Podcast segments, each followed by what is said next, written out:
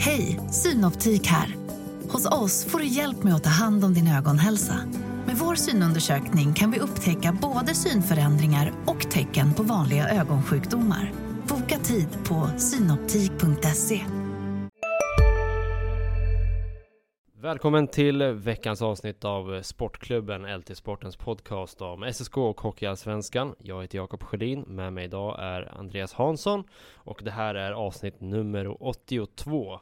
Idag ska vi prata om Claes Endre som eh, vi har presenterat som eh, målvaktsvärvningen bredvid Thomas Schull. Eh, vi ska prata om eh, centerjakten där Andreas ska ge det senaste och vi kommer gå och titta lite på en del intressanta övriga nyheter i ligan. Bland annat eh, så är det Djurgården som har värvat bekanta namn. Med det sagt, nu är det avsnitt 82. Nu rullar vi.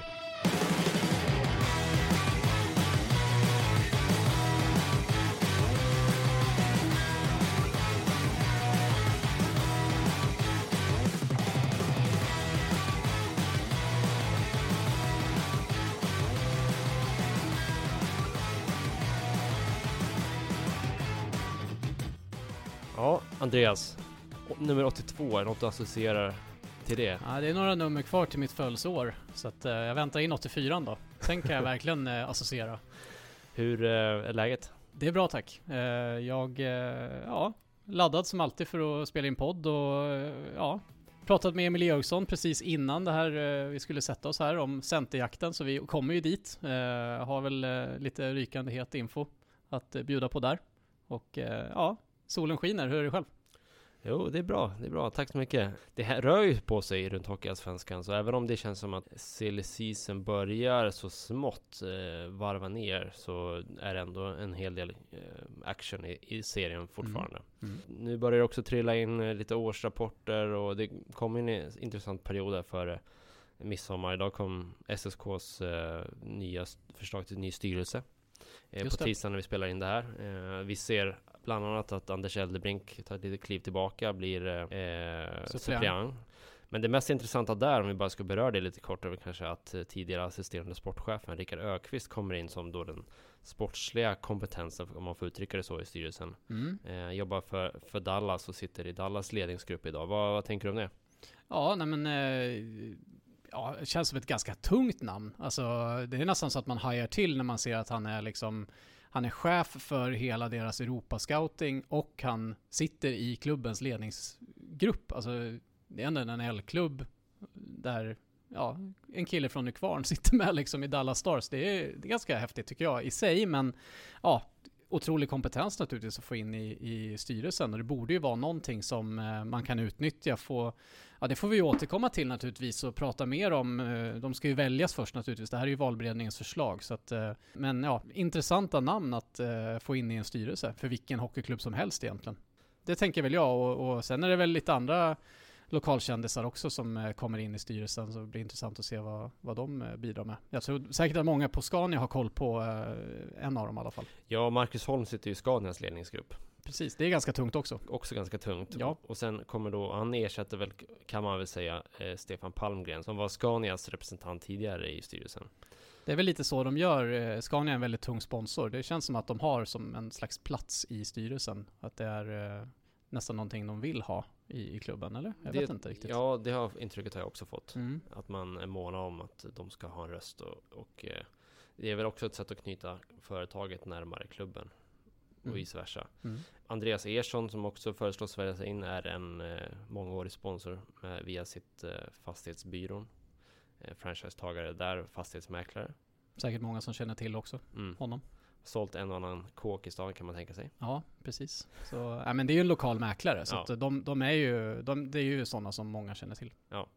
Så det, det är nya i styrelsen. Eh, Peter Onstrand eh, föreslås fortsätta ett år till som eh, ordförande. Mm. I övrigt, stora nyheten sen vi poddade senast är alltså att Claes Endre kommer att presenteras som andremålvakt. Ja. Något som du kunde berätta häromdagarna. Vad tänker du kring den värvningen? Ja, nej, men först och främst så blev jag väl lite förvånad över att eh, det blev en målvakt som vi kände till så pass mycket om. Eh, vi pratade ju om det för två veckor sedan ungefär när vi fick lite spår att gå på, då var det väl, eh, ja det var ju Eriksson själv som sa att det handlade kanske om en college-målvakt eller någon från Hockeyettan eller ett SHL-lån. Och nu blev det ju ingenting av det egentligen, utan det blev en målvakt som ändå har levererat ganska bra i Hockeyallsvenskan för, ja nu är det ju tre säsonger sedan han var som hetast där i AIK 2021. Och sen gick han ju till Björklöven och sen tillbaka till AIK, har väl inte lyckats riktigt de två senaste säsongerna. Så ja, eh, vad jag förstår så är det en målvakt som man får in också på ett relativt billigt kontrakt. Faktiskt billigare kontrakt än Fredrik Bergvik som jag förstår det. Vilket överraskar också. Men, men ja, det verkar som att det finns stor motivation hos Claes Ende just att fortsätta i Hockeyallsvenskan och att stanna i Stockholm. Ja, som jag förstår det är det nästan så att Claes Ende och hans agent har mer eller mindre hört av sig till SSK och erbjudit sig. Jag tror inte att SSK själva hade riktigt trott att de skulle få en målvakt av den här digniteten då som är så pass beprövad i Hockeyallsvenskan ändå. Samtidigt som han, eh, ja, tar man senaste säsongen så har han ganska dålig stats. Eh, som hela AIK i och för sig, men eh, ändå. Så att eh, det finns lite att jobba med där för mm. Kalle Brattenberg, då, målvaktstränaren. Ja, det här med att vara beprövad i Hockeyallsvenskan. Han har ju gjort faktiskt Även fast han är 27 har han gjort tre säsonger endast. Han Precis. kom in ganska sent i ligan, eller så som vi har varit inne på att målvakter ofta gör, närmare 25 än 20 då. Efter att ha gjort säsonger i, ja men faktiskt både division 2 och Hockeyettan. Så han har ju gått en lång väg, var nere och spelade eh, på lån i Åker en match i division 2 och gjorde IFK Tumba säsonger. Mm. Det var inte så länge sedan, eh, 2018, som han spelade i, det är fem år sedan som han spelade i division 2. Mm. Men som du sa, första vändan i AIK var han ju riktigt bra av deras ordinarie målvakt. Inte gått lika bra två säsonger sedan dess. Vad ska man lägga för värdering i det? Det är en bra fråga. Alltså, jag tänker att en målvakt är naturligtvis väldigt beroende av sitt försvarsspel. Det har vi ju sett exempel på i SSK i närtid. Så det är klart att det säkert går att putsa till mycket av siffrorna. Man hade ju över tre, tre mål i snitt insläppta per match och under 90 räddningsprocent. Det kan säkert slipas till en del med ett bra försvarsspel. Och eh, ja, alltså... Ja, jag vet inte liksom. Det, jag har lite olika tankar om det här, men just eh, Claes Endre, jag tycker ändå att det till stora delar är positivt att det är någon som man vet eh, någorlunda kapaciteten på. Hur mycket överraskningar kommer man att få? Ser man till senaste säsongen så kan det nästan inte bli sämre för han var ganska spretig i målvaktsstilen och släppte mycket returer och ja, positionsspel var lite eh, överallt. Och, men kom ihåg, jag kommer inte ihåg exakt nu om det var tre insläppta på väldigt kort tid i ett, en av matcherna mot SSK. Det var väl här i Scanarinken tror jag. Och han blev utbytt och, och ja, han hade ju en väldigt tung säsong. Så ja, hur mycket tar han med sig i bagaget av det och ja, vad finns det att jobba på? Ja, vi kan ju komma in på det också, liksom hur man kompletterar Thomas Scholl. Det är ju en mål, nu är det två målvakter som är ungefär i liknande storlek, liknande målvaktsstil som vi förstår det och vad vi har sett av Scholl. Är det bra eller dåligt? Jag hade nog trott att man skulle få in någon som kanske var stor, mer storväxt än de här två. Jag vet inte hur mycket sånt spelar in och hur mycket man matchar mot... Det Kändes som att det var mer för några år sedan att man försökte matcha vissa målvakter mot lag som... Ja, skulle, att det skulle passa bättre mot en viss typ av motstånd att ha en storväxt målvakt istället för en liten och kvick. Liksom det är, ah, jag vet inte. Det är svårbedömt. Vad känner, vad känner du liksom över... Eh, för Claes Endre, man har ju ändå sett honom. Man har ju en bild av vad det är för typ av målvakt. Eh, och, och, ja. Jag kan spontant känna att det är bra att ha två målvakter som påminner om varandra i, i stil snarare än, än tvärtom. Har man mm. två för olika målvakter då kan det ställa väldigt olika krav på försvarsspelet och kan nästan ibland göra att man behöver två olika typer av ageranden beroende på vad man har för målvakt. Mm, så kan man har man en målvakt som spelar långt in eller långt ut eh, som eh, vill att du ska hantera två mot ett lägen på olika sätt då, då kan man behöva justera väldigt mycket från match till match. Nu kan man om man har liknande målvakter bygga ett system som, som man litar på oavsett vem som står. Eh, Medan det kan bli tvärtom om man har två målvakter som vill ha väldigt olika mycket. Om du har någon som står upp mycket och det är någon som sitter ner och blockar kan du få väldigt mycket olika typer av returer som du måste hantera. Mm. Eh, det kan spela roll hur du spelar försvarsspel och så vidare. Så att jag tycker nästan att det är en fördel att man inte har två olika. Just för att man inte behöver justera på, på det sättet. Eh, och, och, jag tror också att lite kanske man överskattar så här, hur bra en målvakt passar mot ett specifikt motstånd. Jag menar, offensiva spelare på den här nivån är så skickliga att de kan justera eh, vad man tar för avslut oavsett vad man möter för målvakt. det går ganska fort tror jag i, matcherna. Att liksom, man märker att oh, den här målvakten vet vi om. Kanske alltid släpper returer om vi skjuter i den här höjden. Ja men det lär man sig fort som spelare. Och så börjar man utnyttja det. Och det är liksom också sådana grejer som det vet man innan man går in i matchen på video. Nej, jag, jag tror mer på att det kan vara bra att kunna spela på liknande sätt. Ja, men det köper jag. jag det, det, är en vettig tanke där att, att uh, laget kan spela på liknande sätt och man behöver inte anpassa sig. Uh, målvaktstränaren kan jobba på samma sätt med båda. Det känns som att det, de borde ha ungefär liknande rörelsemönster och allting. Så att, uh, ja, absolut. Men Andreas, du, du hade tittat närmare statistiskt på Endre och framförallt den senaste säsongen i AIK. Vad, ja, vad såg du då? Ja, men, eh, dels eh, kan jag bara säga det, att jag vet också att eh, i AIK målvakterna kanske inte varit jättenöjda med eh, coachningen Eh, målvaktstränaren Kristoffer Heino Lindberg. Det verkar inte ha funkat helt klockrent på något sätt. Eh, och eh, som jag förstår det så finns det en, en, ja, en önskan eller en tanke med det också från Claes Endres eh, läger eller vad man ska säga att ja, att få en förändring där. Uh, ingen, det är ju ingen kritik kanske mot Heino Lindberg i sig. Ja, sån information har jag inte så, så att uh, det är att hänga ut honom på det sättet. Men uh, uppenbarligen om man ser till statistiken så har ju AIK haft det väldigt, väldigt tungt. Och visst, försvarsspelet så, såg vi exempel på hur dåligt det var. AIK släppte alltså in mest mål i hela serien. man hade också flest sko skott insläppta i skottsektorn. Och där var det bara, ja, det var ganska likvärdigt mellan eh, Claes Endre, Johan Gustafsson i Västerås och Isak Mantler i Östersund. Det var de tre målvakterna som släppte in mest mål i skottsektorn. Eh, så det kan ju skilja ganska mycket faktiskt mellan målvakterna jämfört med till exempel Moras målvakt, eh, Kari Pironen. Han släppte in väldigt lite mål förhållandevis i skottsektorn. Så att vad, stor skillnad där. Var Endre också en av de som hade mest att göra där? Eh, alltså faktiskt inte så, det är lite svårt eftersom han delade Nikla, eh, på jobbet med Niklas Lundström ganska mycket. Så det är svårt att jämföra så över en hel serie. Då måste jag nog sätta mig in i det lite mer i detalj och jobba fram ett snitt. Mm. Precis. Eh, men det man kan konstatera är ju dels då den här att han har 3,25 insläppta per match och 89%. Det var bara Jörgen Hanneborg i Kristianstad som hade sämre av de målvakterna som stod hyfsat frekvent om man säger så. Eh, så att han har ju, i, i ligan överlag så har han ju ganska dåliga snitt. Det man också kan säga är att eh, AIK hade ju den sämsta kombinationen av räddningsprocent. Alltså de två målvakterna hade gemensam räddningsprocent som var ja, den näst sämsta ska jag säga i serien. Ja, eh, så att det var ju inte bara att de fick väldigt mycket skott på sig utan ja, de räddade förhållandevis få skott också jämfört med andra målvakter. Ja, nej men vi får se helt enkelt eh, vad SSK får ut då, av Endre och eh, hur mycket Brattenberg kan jobba med hans eh, stil, teknik, självförtroende, allt det där och se om man kan hitta tillbaka till den spelaren han var i AIK för tre år sedan. Då är det ju ett kap SSK har gjort. Precis, alltså där har man i alla fall en potential som man vet finns där, som man kan få fram. Så det är det som kanske jag kan tycka är fördelen med att få en, ett namn som man känner till. Eh, blir borde bli mindre av en chansning i alla fall, att man vet vad man kan förvänta sig. Mm. Vi går vidare. VT Vainio tackade ja till kontraktserbjudandet och har presenterats. Vi har diskuterat eh, honom en del, så den finländske backen kan vi kanske lämna därhän idag. Kan vi göra. Eh, nytt däremot är att Lukas Karlsson tackade nej till sitt eh, avtalsförslag. Eh, det blir ingen fortsättning och eh, han tackades av klubben. Hur känner du för det?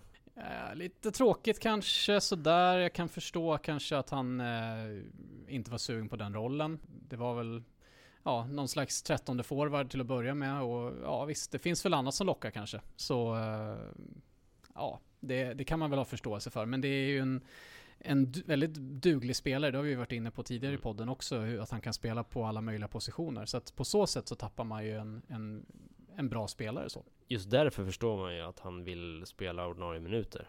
Ja. I och med att han var så pass eh, habil förra säsongen i, i Hockeyallsvenskan så borde det inte vara så svårt för honom att landa ett jobb någonstans. Om det blir i Sverige eller i en annan liga. Han kan ju spela hockey fortfarande och eh, har ju varit runt Stockholmstrakten hela karriären. Kanske är dags för att uh, testa något annat. Mm. Uh, men visst, SSK hade ju behövt, det hade varit en perfekt lösning.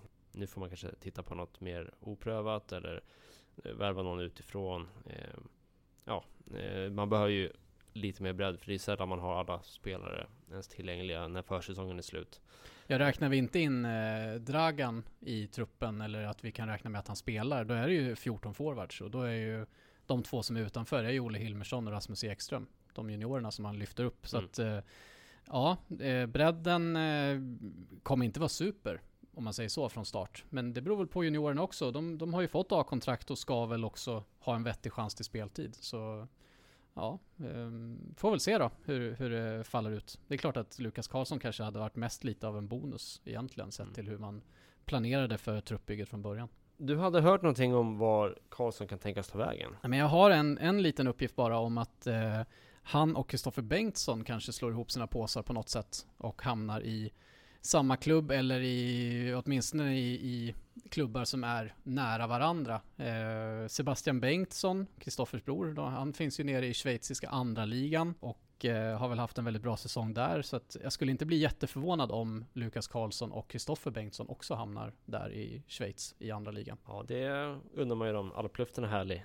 Jag tror att det är ganska nice faktiskt. att sitta där i Schweiz och det är väl ganska korta resor till alla matcher och sånt där som man har hört. Och Schweiz är ju ett väldigt fint land så varför inte? Ja, så länge lönekuvertet är tillräckligt bra för det är dyrt att leva i Schweiz. Det är det förstås ja. ja. Hur som helst, Alex Czernik han ska enligt Expressen till Västervik där han också var på lån senaste säsongen. Västervik som också har en tidigare SSK-junioren Anton Svensson på sin radar. Mm. Precis, jag tror det var lokalmedia där som skrev om Anton Svensson. Nu är jag osäker faktiskt på om det är officiellt till och med, men eh, ja, det verkar vara mer eller mindre klart i alla fall med honom också. Så att, ja, det är väl eh, bra spelare för Västervik. Det känns väl som det va? Ja, alltså Kärnik hade ju ett jättebra poängsnitt i Västervik och fick ju utrymme att göra sin grej. Och samma sak med Anton Svensson egentligen, gjorde ju jättebra i Tingsryd och lär väl få en jättestor roll i Västervik. Mm. Så att eh, det är väl jättebra spelare för dem. Och ja, väldigt lite annars i övrigt som är klart i just Västervik. Så att, eh, ja, vi får väl se vad de får ihop för trupp till slut. Skräll att det är så i maj. det är väl så med alla deras, eh, budgetlagen. Ja. Men, men jag vet inte, har vi pratat om det, men just att det inte blir någon fortsättning för Kärnik, hur ser du på det? Vi har nog inte pratat om det så mycket faktiskt, eh, men det är ju otroligt väntat egentligen eftersom vi vet att han inte var så jättenöjd med speltiden, vilket är förståeligt så. Det var ju lite av en följetong ett tag där med det här med hur mycket han matchades och inte och eh, lånades ut och ja, han ska ju bli draftad i sommar. Och, eh, vi får väl se vad han landar i, på för runda där och känns som att där han är nu så är väl Västervik ett jättebra alternativ där han får mycket speltid. Jag tror inte att han hade fått så mycket chanser i SSK egentligen, eller vad tänker du? Nej, och det var väl lite det som man gissar drev på det här, att det var, fanns en stress inför draften att visa upp sig och bibehålla den ganska bra rankingen han hade inför säsongen. Eh, som, ja, jag vet inte om den tog, tog någon smäll i och med att han inte spelade så mycket seniorminuter som man kanske hade hoppats på. Mm. Nej, det var väl inte jätteoväntat och som du säger så har väl SSK inget superbehov av honom heller. Det han har visat hittills är ju inte toppklass i serien än. Eh, men det är ju liksom Videll och Marcus Eriksson han tampas med om istid i powerplay och det är ju tufft. Mm. Alltså han är ju väldigt fint spelsinne så, men det finns ju ganska mycket annat som man behöver slipa till och även utanför isen. Han var ju ganska rolig att intervjua för han, han sa ju verkligen vad han tänkte och tyckte och särskilt, vi fick ju tag på honom några gånger just när han i, som i affekt över att han, ja nu har jag blivit kallad tillbaka till SSK, det vill jag inte, sa han. han var ju ganska missnöjd eh, då och då med sin situation och, mm. och eh, ja, var väldigt oslipad i intervjuerna. Det var lite roligt. Ja, det där är väl också sånt som NHL-klubbar ser, kan jag tänka mig. Och det är en mognadsprocess eh, att bli professionell även i de delarna antar jag. Eh, men han är ung och eh, har väl alla, all tid framför sig. Så eh, det blir intressant att följa Cernik och se vad han kan göra i Västervik nästa säsong. Mm. Det som alla har suttit och väntat på gissar jag är vad som blir med Södertäljes första center. Det är ju den stora luckan som är kvar nu. Eventuellt någon breddvärvning på backsidan. Sen är den här truppen klar. Mm. Eh, men det är ingen liten pusselbit som återstår att sätta där, utan det är eh, toppcentern, eller möjligtvis en andra center beroende på vad man gör av Filip Engsund. Eh, I alla fall en topp 6-spelare. Vad har vi nu? Nu har man gått miste om Wessel som man eh, la mycket förhoppningar vid. Mm. Eh, det blev inget med Savignon heller. Nu såg vi nyligen att ÖA gick ut och berättade att eh, Marcus Velas framtid inte är i Modo. Mm. Efter SHL-avancemanget så verkar han få se sig om efter en ny klubb. Eh, då var det också många pigga SSK-supportrar som undrade om inte det där kunde vara ett alternativ för Södertälje. Eh, han har ju ett förflutet i Västervik i ligan innan han gick till Modo. Eh, vad, vad hör vi här? Mm. Nej men vi fick ju, vi vet ju också, faktiskt fick ju bekräftat av Emil Eriksson under säsongen att man var med och budade på Marcus Vela ju, eh, när, innan han gick till Modo. Eh, precis som med Daniel Brickley för övrigt. Och det var ju naturligtvis någonting som jag pratade med Georgsson om här precis innan vi började spela in och eh, ja men Georgsson bekräftar faktiskt att eh, Marcus Vela är av intresse och det kanske inte är så oväntat då eftersom han faktiskt försökte köpa loss honom för några månader sedan. Eh, men eh, han säger ju också det att eh, Marcus Vela är inte på marknaden just nu, eh, så vitt han vet. Och det är ju som du sa, Örnsköldsviks Allehanda har ju bara rapporterat att de har uppgifter på att han eh, kommer få lämna Modo, att de inte har plats för honom i sin SHL-trupp nu då, fast han har kontrakt. Eh, och det där har inte sportchefen där, Henrik Gradin, bekräftat. Eh, men eh, det verkar som att det är så. De brukar ha bra info om Modo, eh, våra kollegor där uppe. Så att, eh, och Marcus Vela är väl en intressant spelare. Alltså, så, ja, och, och Georgsson säger det också. Alltså, det, det är en, en, spelare som de absolut kan se i den rollen som de söker, att han matchar profilen. Och det är ju lite det här, Wessel, Vignot, spelare som kan jobba hårt åt båda hållen och som är trygga defensivt och det här som vi har pratat om, det här, den här profilen som de vill ha. På så sätt, ja absolut ett, ett intressant namn. Så, men eh, ja, han vill ju inte prata så mycket mer konkret än så. Men vi vet att det finns ett intresse i alla fall. Vilken kaliber tycker du att Vela har för ett topplag? Det är väl en ganska bra spelare. Det är klart att man kan tänka sig att Tyler Wessel hade varit bättre. Sam Vignot också bättre. Eh, Marcus Vela, jag började kika lite grann sådär över eh, hur han har stått sig i Modo just nu och han har ju fått mycket speltid. Han har bra eh, underliggande siffror, eh, bra tekare. Eh, vet att han har varit uppskattad av eh, eh, Mattias Karlin, tränaren i Modo och fått stort förtroende även i defensiva situationer. Gjorde väl 4 plus 4 på 17 matcher tror jag i slutspelet och plus 12 om man nu ska prata plus minus statistik. Han var i alla fall bästa forward vet jag i plus minus. Så man kan i alla fall jämföra på det sättet. Hej, Ulf Kristersson här. På många sätt är det en mörk tid vi lever i. Men nu tar vi ett stort steg för att göra Sverige till en tryggare och säkrare plats. Sverige är nu medlem i Nato. En för alla, alla för en. Har du också valt att bli egen? Då är det viktigt att skaffa en bra företagsförsäkring. Hos oss är alla småföretag stora och inga frågor för små. Swedeas företagsförsäkring är anpassad för mindre företag och täcker även sånt som din hemförsäkring inte täcker. Gå in på swedea.se företag och jämför själv.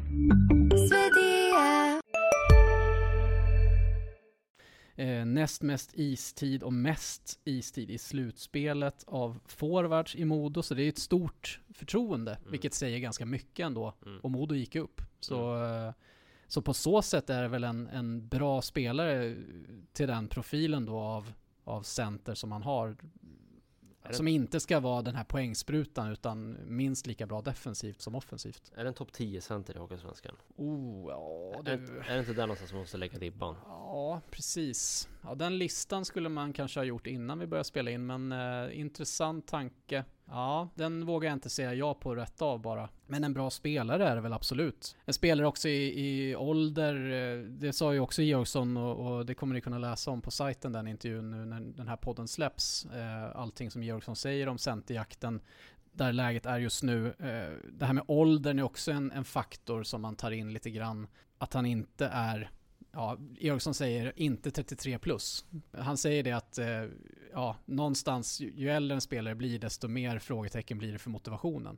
Och motivation, nu sa inte Eriksson det i och för sig, just det jag ska säga nu, att motivation blir svårare att bedöma eftersom man får ju gå helt och hållet på vad spelaren själv säger och spelaren kommer ju inte säga nej jag är omotiverad utan spelaren kommer säga allt du vill höra. Så att jag tror därför vill man ha en spelare mer som har kanske sin peak framför sig eller som är i sin peak. Eh, mer än, eh, ja men en spelare som jag vet att de till exempel har tackat nej till eh, är ju Taylor Mattsson som nu har varit i HV senast. Han är 34. Mm. Jag tror att åldern var en ganska stor faktor där. Har varit i SHL i 5-6 säsonger. Har gått upp med både Rögle och med HV va? Mm, precis. Uh, så att, uh, ja men det stämmer. Och uh, är ju jättebra så, bra ledare, pratar svenska och allt möjligt men ja, jag tror att man eh, är lite försiktiga då istället just på grund av åldern. Men Vela måste ju vara, alltså han är ju, han är ändå, får man säga, i början av sin europeiska proffskarriär. Han har bara gjort en säsong utanför Nordamerika. Mm. Så där finns ju all möjlig motivation. Ja, precis. Där känns det inte som att det kan finnas direkt något frågetecken. Så. Eh, sen så, eh, en faktor där är ju att, att spelare som, alltså nordamerikanska spelare blir ju dyrare om de är kvar på helår i Sverige. Eh, det är mycket, alltså klart billigare skattemässigt att ta in en spelare som inte har varit, en nordamerikansk spelare ska jag säga, som inte har varit i Sverige nyligen. Man får skatta på ett annat sätt. Eh, vilket gör att Marcus Vela blir ju, ja det blir högre skatt helt enkelt på honom jämfört med om de tar någon som inte har varit här tidigare och han har ganska hög lön också tror jag, från Modo. Ja, det kanske också spelar in, men eh, vi får väl se. Eh, som det kommer stå i den här texten med Georgsson, ni får ta och läsa den. Eh, SSK är inte jättestressade faktiskt över den här första centern, att man måste lösa den nu. Utan eh, Nej, alltså som han sa, alltså, de sitter inte och väntar på någon att få ett besked från någon just nu, utan de har betat av namn eh, på sin lista, de, kom, de får förslag på spelare, eh, tackar nej om de, ja, de har ju tackat nej till ett antal. Ja, det är ingen som de går och väntar på just nu på ett besked, utan eh, ja, de hoppas att det ska komma spelare i om inte det blir Marcus Vela då. Eh, nu vet jag inte om han är liksom högst upp på listan eller så. Eh, men eh, eh de tror ju att det kommer komma spelare under sommaren också. Som ja, blir över i Nordamerika. Det lär med stor sannolikhet bli en nordamerikansk center i alla fall. Finns inga svenskar mm. att, att värva just nu på den positionen du ser inte att man riskerar att hamna i ett läge där man måste göra en snabb rekrytering när försäsongen väl har börjat? Ja, alltså den risken tar man ju naturligtvis i och med att man inte löser det här. Eh, och visst finns det säkert spelare som man hade kunnat ta för att bara säkra upp så att säga den här positionen. Men jag tror att man eh, man vill verkligen vara säker, det säger ju Georgsson i texten också, man vill ju vara säkra på att det blir rätt. Det här är en jätte, jätteviktig värvning. Mm. Eh, men det är klart att risken finns att att eh, det inte kommer något som är bättre än det man har tackat nej till. Så ja, det, det, är en jättesvår eh, bedömning att göra, men det är den vägen de har valt. Upplever du att man sitter och väntar på en sån här homerun swing, eller vad man ska säga? Ja, men han drar ju en parallell att Modo värvade Josh Dickinson i augusti. Som att, eh, ja men den här, de här spelarna kommer dyka upp som är bra. Men ja, då ska de ju också välja SSK när de väl blir lediga. Mm. Eh, så eh, ja, det är väl klart, det är, det är ett vågspel. Alltså, hur ska man kunna veta? Det vet man ju först efteråt. Som Georgsson vet att han har budgetutrymme nog för att vinna en sån budgivning, då kan det ju vara ett eh, väldigt bra drag. Han är ju väldigt försiktig med att säga att det finns pengar. Ja. För att han vill inte trissa upp priset. Ja. Han vill inte att det ska verka som att de, de har det gott ställt. Men mm. det verkar inte som att det, det, är en särskilt stor faktor i alla fall. Mm med pengarna. Mm. Utan, eh, ja. men, men också, de vill ha pengar kvar. Det har vi ju pratat om tidigare i podden. Eh, alltså, de vill ha budget kvar att kunna använda under säsong också. Antingen om det behövs, för att oftast behöver det alltid åtgärdas någonting, eller att man vill förstärka längre fram. Mm. Ja, vi ska titta lite på Hockeyallsvenskan i övrigt också kort innan vi rundar av här. Eh, en SSK-bekant, Kalle Weng, han spelar i Troja även nästa säsong. Mm. Det gjorde han. Vi pratade om han lite kort där, att han var på eh, uh, aktuell för Hockeyallsvenskan. Eh, blev inte så. Eh, får väl en stor roll i Troja istället. Jag ja, gillar Kalle. Han är, ja, en, en kille som man gärna skulle se i SSK igen. Han har otroligt stort hjärta för SSK vet jag. Så att, eh, ja, men han får väl eh, stå på tillväxt ett år till kanske i Troja och så får vi se om han kommer hit sen. Ja, det kan ju också vara så att uh, Troja känns ju all, alltid som en kandidat att gå upp. Lyckas man med det, då har man en rätt bra plattform för att etablera sig i ligan också som spelare sen. Helt klart. En annan gammal Södertäljeback, rightare, är Axel Andersson och för ett par veckor sedan så rapporterades det om att han hade lunchat med Djurgårdens ledning och nu är det också klart med en återkomst dit för honom. Mm.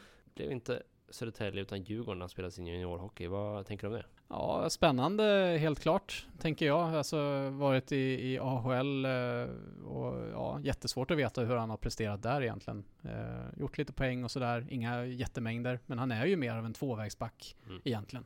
Mm. Eh, det såg vi i SSK också när han var här, så ja, fanns väl inte direkt plats för honom i SSK. Eh, antagligen. Eh, vet inte vem man skulle ha tagit istället då i så fall, om det är Olivainio eller det känns inte som att eh, han är den här jätteoffensiva backen som typ Vettivainio är tänkt att vara. Eh, så ja, jag vet inte vart han skulle ha gått in någonstans ja, istället. Av det jag sett hittills så hade han ju varit en bättre variant av Julius Bergman. Ja, kanske. Ja, jo, det, andra, det är väl lite samma klass. I andra, tredje backpar sådär. Men eh, ja, nej, på papper så kanske det inte fanns en, upp, en given plats, men det hade ju definitivt vässat konkurrensen.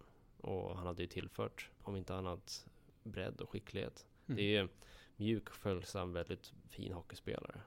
Absolut, alltså, är ju, han är ju väldigt skicklig så mm. och ja, som du sa, liksom mjuk i rörelserna och ja, han är ju härlig att titta på så. Eh, får se vilken roll han får i Djurgården. Alltså, de har ganska många backar nu och det snackas väl om att de ska göra sig av med några också sådär. Så ja, vet inte om han är tänkt att vara i första backpar till och med eller om de ser honom lite längre ner. Lite svårt att definiera Djurgårdens backsida just nu tycker jag.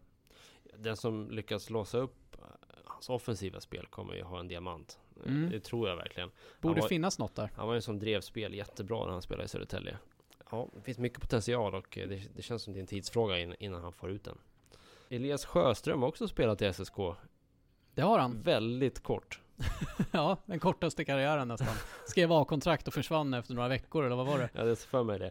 Eh, han ska spela i Västervik. Det är återigen språngbräda för eh, lite mindre etablerade spelare. Mm. Precis, lånas, lånas väl ut tror jag från Linköping då. Han skrev väl treårskontrakt där om jag inte minns helt galet med ja. Linköping när han lämnade SSK. Och, eh, ja. Känns det inte lite så här som att en del unga spelare slösar bort ett par år? Ja, jag vet inte. Genom att, alltså, man hastar till SHL, får sitta bänk eller spela juniorhockey ett par säsonger. Visserligen bra träning och alla de här förutsättningarna. Men det är ändå den här matcherfarenheten som gör att man kan växa som spelare och omsätta det man tränar på i rutin. Ja. Bara, bara för att bli utlånad sen några år senare, när han, om man kanske hade stannat i en hockeyallsvensk klubb, kunde ha haft tre, två, tre års rutin redan. Mm. Ja, alltså vad hade hänt med honom om han hade varit i Okej, okay, SSK, vem vet om han hade fått mycket istid, svårt att veta, men säg att han hade varit då i Västervik eller Tingsryd eller ja, någon sån uh, klubb med, där han hade fått stort förtroende. Mm. Hade det inte varit bättre än att uh, ja, vara ja, i SHL-miljön? Man kan ju tycka det kanske. Ungefär som att ta det steget som Czernik nu gör direkt. Mm. Bara för att, ja men, får spela så mycket som möjligt på så hög nivå som möjligt. Ja. Och även om det är en, en liten klubb. Ja, vi pratade ju om Filip Nordberg. Vilket, vart står han nu i, i, på den stegen, så att säga? Vad är det här för steg han tar? Alltså, ja, det är ju nästan som att han ligger ett år bakom den där stegen på mm. något sätt ändå. Fast, ja, är, är Växjö liksom rätt klubb för honom just nu? Ja. Det finns ju en hel del studier av framförallt det amerikanska utbildningsväsendet som handlar om att det för en långsiktig karriär är bättre att gå på ett litet universitet än att du går på ett eli en elitskola. För när du kommer till en elitskola, hur briljant du än är, så finns det många fler som är ännu mer briljanta och då kanske man tappar i, i självförtroende och man är inte lika mycket i centrum. Medan om du går till en liten skola så eh, är du smart så kommer du vara bland de bästa och då kommer du växa av det och kanske kommer det ge dig en bättre väg in i karriären sen. Och jag tänker att det kanske kan vara lite samma i idrott också. Att många gånger kan det vara bättre att vara en big fish in a small pond. Mm. Och vara den spelaren som i den lilla klubben får ta de avgörande besluten, vara inne på isen när det är viktiga lägen. Än att vara eh, junioren som alltid står på tillväxt medan stjärnorna i SHL-klubben dominerar. Ja, för nu har ju, om vi tar tillbaka till Elias Sjöström så har han spelat eh, några minuter per match i snitt mm. hela förra säsongen. Och mm. tränat förstås med jättebra spelare, men ja, vi får ju se nu då i alla fall vad, vad han går för i Allsvenskan på riktigt och det kan ju bli kul. Jag vet ju att Johan Hedberg till exempel har varit inne på det, att man, han vill gärna se att man minskar matchtrupperna i svensk hockey. Och kör 18 utespelare som mm. är NHL. Just det. Man inte får dressa de här extra spelarna. Det skulle jag också gärna se. Jag tycker att det är så onödigt att ta med unga spelare som bara sitter och dricker vatten i tre perioder och sen åker buss. Mm. Ja, det är faktiskt ganska märkligt att, att det är någon slags standard att ta med sig en junior som ja, faktiskt inte kommer spela överhuvudtaget. Nej. Är det så mycket värt att få hänga i omklädningsrummet med elitspelarna? Ja. Äh, jag vet inte. Då, och det skulle dels göra att lagen skulle få tajtare trupper och sen när man väl blir uttagen till match då har man större chans att verkligen få spela. Mm. Eh, så det är också en förändring som jag, jag håller med Hedberg, jag skulle gärna se den. Nu blir det ett kaninhål här, men... Nej men jag, ja, jag har inte så mycket att tillägga. Jag tycker också att det är vettiga tankar och Johan Hedberg är väl en vettig person så att eh, ja, det är väl inte så konstigt att du och han tycker lika då.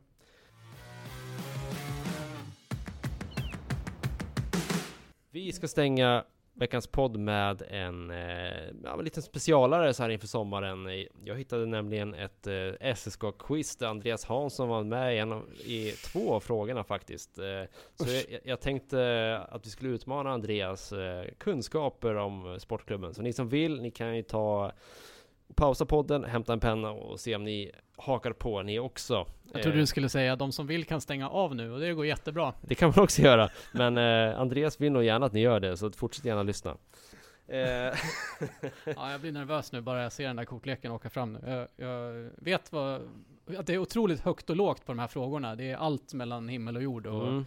Jag kommer inte, jag kommer säkert ha fel på någon. Jag tänkte plocka fram fem frågor så ser vi vad Andreas kan. Eh, och varierande svårighetsnivå. Eh, så vi kan väl börja lätt och gå till svårt. Typ. Mm. Vad hette den hypade checken som skulle frälsa SSK säsongen 05-06? Oj, det är precis säsongen innan jag började här med att följa SSK. Den hypade checken. Vänta nu, eh, var det Leska?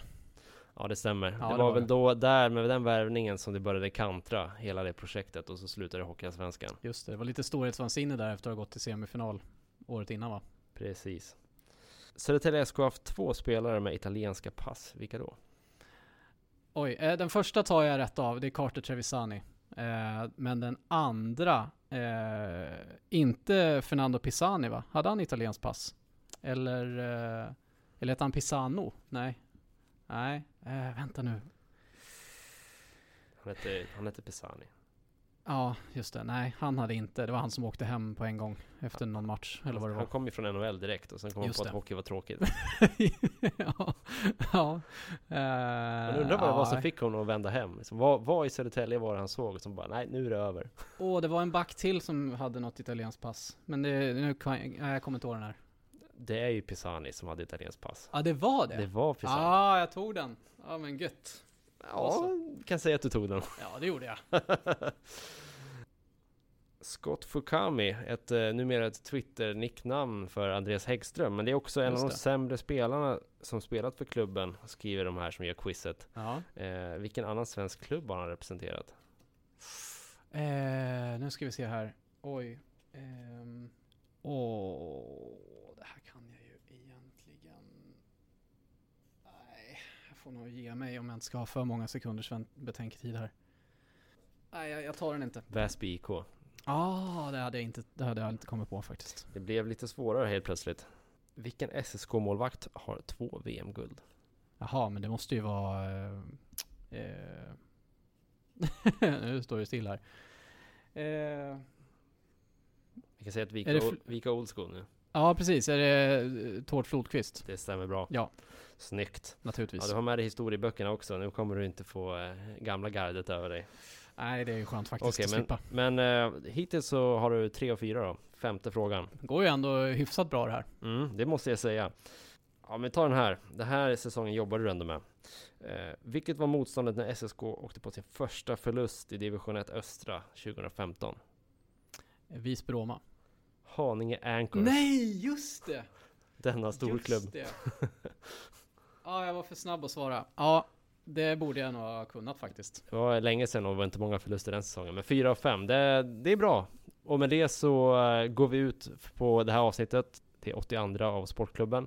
Vi har bäddat upp med eh, Magnus Bogren som gäst nästa veckas avsnitt, så håll utkik för det. Eh, jag heter Jakob Sjölin och Andreas Hansson har varit med. Vi tackar för att ni har lyssnat så här länge och säger på återhörande. Jajamän, ha det bra. Hej hej.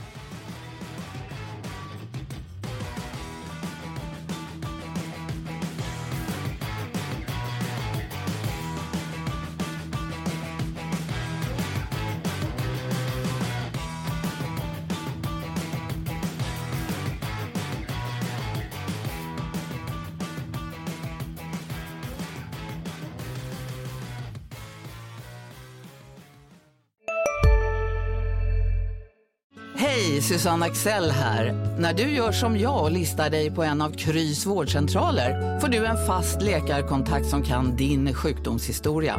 Du får träffa erfarna specialister, tillgång till lättakuten och så kan du chatta med vårdpersonalen. Så gör ditt viktigaste val idag, lista dig hos Kry. Välkommen till Maccafé på utvalda McDonalds restauranger med Baristakaffe till rimligt pris. Vad sägs om en latte eller cappuccino för bara 35 kronor? Alltid gjorda av våra utbildade baristor.